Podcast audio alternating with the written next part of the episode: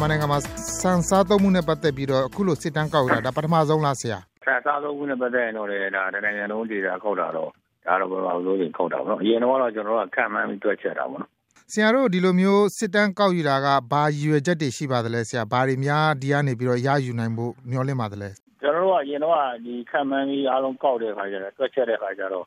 ကျွန်တော်ကဒီဆန်ဘယ်လောက်စဘာဘယ်လောက်ထွက်တယ်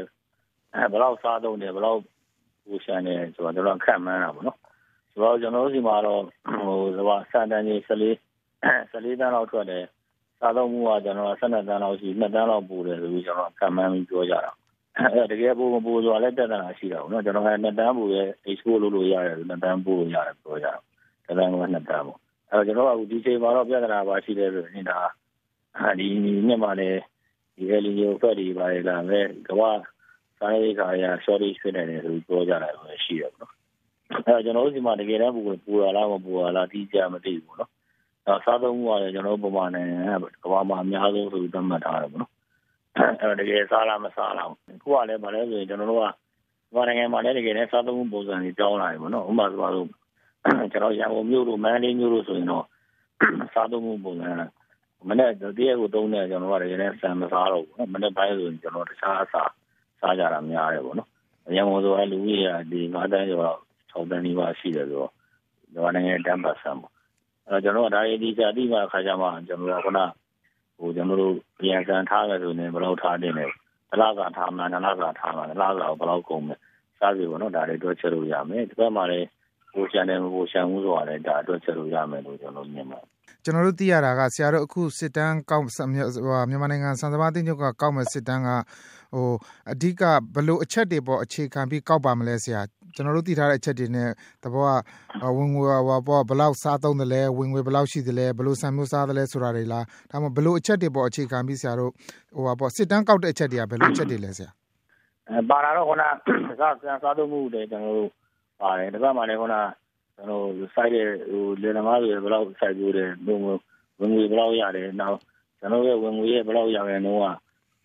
အစားအစာပေါ်မိကိုနေရတယ်ပေါ့နော်ဆိုတော့ဝင်ငွေရဲ့30ရာခိုင်နှုန်းလား20ရာခိုင်နှုန်းလားဆန်လောက်သုံးဆွဲနေရတယ်။အဲဒီရဲတို့များကျွန်တော်တို့ဆန်နောက်စားသုံးတဲ့ကျွန်တော်တို့ဆန်ဘာမျိုးစားပေါ့နော်။နောက်တကယ်လို့ကိုကလက်ရှိစားသုံးနေတဲ့ဥစ္စာပဲတုံးမို့ဒီရဲ့ဝင်ငွေပိုရရင်တော့ဘယ်လိုဆန်မျိုးပြောင်းလဲစားစားတော့မယ်ဆိုတာပေါ့နော်။ဒါတွေလည်းပါပါတယ်။နောက်တော့လက်ရှိ ကျွန်တော်ဖြေဆိုတဲ့လူတွေခြေခံဆက်လက်တွေဖြစ်တဲ့ပညာရေးချင်းတို့နောက်ဒိုးချင်းဝင်ငွေတို့ဒါတွေရတဲ့လူတွေရောက်ပါသွားပြီးသားဖြစ်မှာပေါ့နော်အခုလိုမျိုးစစ်တမ်းကောက်ယူလိုက်တဲ့အတွက်သဘောကလယ်သမားတွေတနှစ်မှာဘယ်နှစ်ဧကထွက်တယ်အဲ့ဟာသူတို့အရင်ဘက်ကိုဘယ်လောက်ဘယ်နေရာခိုင်နှုန်းပြန်ပါတယ်သူတို့အမြတ်ကဘယ်လောက်ရတယ်မိသားစုစားသုံးစရိတ်ဘယ်လောက်ကုန်တယ်ဆိုအဲ့တော့အဲ့လိုမျိုးတွေသိလာပြီဆိုရင်ဆရာတို့ကလယ်သမားတွေဝင်ငွေတိုးအောင်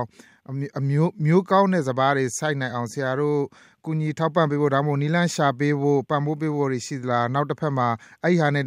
စန့်ကျင်ဘက်ဟိုဖြစ်တာဒီစားသုံးသူတွေဘက်ကရောဘယ်လို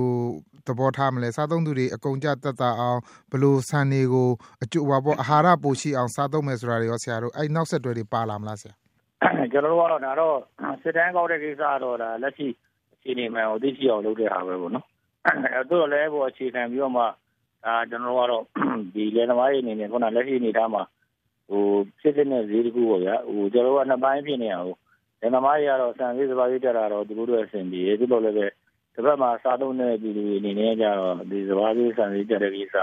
သူတို့ကဘယ်လောက်ပါတယ်ဖြစ်နေလဲပေါ့။အဲဒီအချိန်မှာကျွန်တော်က equilibrium မျှခြေရအောင်တော့ဆောင်ရွက်ဖို့လိုတာပေါ့နော်။အဲ့တော့ကျွန်တော်တို့ကဒီ data ရတဲ့အတွက်ကြောင့်မို့တော့ဒါနိုင်တော့ဟို ဖွဲ့စည်းတော့မဲ့ဒါအစိုးရတဲ့နဲ့ကျွန်တော်ညှိနှိုင်းပြီးဆောင်ရွက်သွားမှာပေါ့နော်။နောက်နိုင်ငံကဖွဲ့စည်းနေ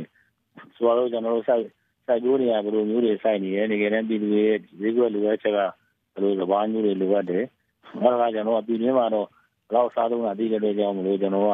ဒီကဟိုဘယ်လောက်ရောင်းချလို့ရတယ်အဲရောင်းချလို့ရတဲ့ဈေးကွက်ကိုဘယ်လိုလုပ်မလဲပေါ့နော်။ဒါတွေကိုကျွန်တော်တို့ကသိရှိရမှာဖြစ်တယ်။နောက်တစ်ခါလယ်သမားတွေကိုအတွက်လည်းခုနပြောတဲ့သူတို့ ဈေးကွက်လိုအပ်ချက်ရှိတဲ့မျိုးတွေကိုကြောင်းလဲစိုက်ကူးနေအောင်ကျွန်တော်ကကူညီပေးဖို့အစီအစဉ်ရှိပါတယ်။အဲတော့ဒီဘက်မှာလည်းကျွန်တော်ဘာလုပ်နေလဲဆိုရင်ကျွန်တော်အားဖြင့်အာရဆန်ပေါ့နော်။ဒါလည်းကျွန်တော်တို့ဒီ lift fan နဲ့ကျွန်တော်ကူညီနေပဲကျွန်တော်တို့ဆောင်ရွက်နေတာမျိုးတွေရှိပါတယ်။ဒါတော့ကျွန်တော်တို့ကဒီဆန်ထဲမှာအာဟာရဓာတ်တွေစုံပေါင်းထည့်သွင်းတဲ့ပြီးတော့မှပြီးခဲ့တဲ့ဒီရက်ပိုင်းအတွင်းမှာပဲဒါစတင်မိတ်ဆက်တဲ့အခမ်းအနားလေးလုပ်ခဲ့တာရှိပါတယ်စောစောကဆရာပြောသလိုဆန်တွေကိုအာဟာရရှိတဲ့ဆန်တွေ လူထုအတွက် ပိုပြီးတော့အကျိုးရှိတဲ့ဆန်တွေကို သိပ္ပံနည်းကျကျ စိုက်ပျိုးထုတ်လုပ်နိုင်ဖို့အတွက် မြန်မာပြည်မှာ အခုစပြီး အစပျိုးပြီလို့ ပြောလို့ရမလားဆရာ ဟုတ်ကဲ့ပါ ကျွန်တော်တို့ စပြီးတော့ကျောင်းလဲတွေပါဒါကတော့လေကျွန်တော်တို့ကဟိုဒီလိုလေကဏ္ဍ ဖွံ့ဖြိုးတိုးတက်မှုဆိုတာတော့ အဓိကဥဆောင်မှာတော့ အစိုးရပါပဲနိုင်ငံတိတ်ပေါ့နော်အဲကျွန်တော်ကအခုလာမယ့် အစိုးရအစ်ကတော့ဒါကျွန်တော်ရပ်ဘက်အဖွဲ့ကြီးရပ်ဘက်အတင်းအဖွဲ့တွေ နောက် တောင်းတယ်သမားတွေနောက်ကျန်တဲ့ဒီစိုက်ပျိုးရေး နှီးနွယ်လုပ်တဲ့လူတွေနဲ့ ပို့ပြီးတော့မှပူးပေါင်းဆောင်ရွက်ပြီးတော့မှနိုင်ငံကဖွဲ့စည်းနေလေပို့ပြီးပူးပေါင်းဆောင်ရွက်လာနိုင်မယ်လို့မြင်ပါတယ်အစိုးရကနေဥဆောင်မှုမပေးနိုင်ဘူးဆိုရင်တော့ကျွန်တော်တို့ကပူးပေါင်းအခက်ပါနိုင်ငံကအဖွဲ့အစည်းတွေရတယ်အစိုးရစီပဲသွားတာပေါ့နော်အစိုးရအစိုးရလည်းစိုက်ပျိုးရေးဆင်မြောင်းဝင်ခဏသူတို့ရဲ့ interest ပေါ့နော်စိတ်ဝင်စားမှုပေါ်မူတည်တယ်သူတို့စိတ်ဝင်စားတာတရားမျိုးမဟုတ်ဘဲနဲ့တခြားမျိုးတွေစိတ်ဝင်စားတယ်ဥပမာဆိုတော့ကျွန်တော်ဆက်မျိုးတွေအာဘယ်လဲကြတာကိုစိတ်ဝင်စားတယ်ဆိုတော့ဒီဘက်ကျန်တဲ့အပိုင်းတွေကိုရောက်မလာဘူးဖြစ်တာပေါ့နော် ဟုတ်ကဲ့ဆရာဒီဟိုစစ်တမ်းအတွက်ကုန်ကြစရိတ်ဘာညာအားလုံးကတော့မြန်မာနိုင်ငံစံစပါအသင်းချုပ်ကပဲကုန်ကြခါမှာပါဟိုစစ်တမ်းကောက်တာတော့လက်ရှိပေါ့နော်ကျွန်တော်တို့ဒီစံစပါအသင်းချုပ်ကဥဆောင်ပြီးတော့ဒါစံကုန်တွေတင်းနေနောက်တစ်ခါစစ်တမ်းကောက်တဲ့အဖွဲ့အစည်းကတော့ဒါဆက်ကြီးတဲ့လို့ဒါနေရာစီးပွားဌာနအနေပြီးတော့ဒီနောက်တာတော့ပေါမခါတော့တော့တင်ကြီးနဲ့ဥဆောင်တဲ့ဒီဆရာဆရာမတွေအကြောင်းသားတွေနဲ့ကျွန်တော်တို့ကောက်ကိုလုပ်နေရပါအဲဒါကြောင့်မို့ကျွန်တော်တို့ကဒီစစ်တမ်းတော့ဘာလို့ဖြစ်ဖြစ် ဒီတိုင်းပြည်တွေဒီဥပဒေရောမဆိုရတဲ့တော့တောက်တဲ့နေရာနေပြီးအထောက်အကူပြုမယ်လို့ကျွန်တော်တို့ကမျှော်လင့်ပါတယ်အဲဆိုရတဲ့နေနဲ့လည်းဘာလို့ဖြစ်ရတာလဲဒီဒီຢာတွေပေါ်မူတည်ပြီးတော့မှတိုင်းပြည်တွေဒီနေရာဆိုင်ဝေးကဏ္ဍတွေဓမ္မတွေတော့ကောင်းမွန်တဲ့မူဝါဒနဲ့အကောင့်တွေပေါ်နိုင်မယ်လို့ကျွန်တော်တို့အနေနဲ့မျှော်လင့်တိုက်တွန်းလို့ပါ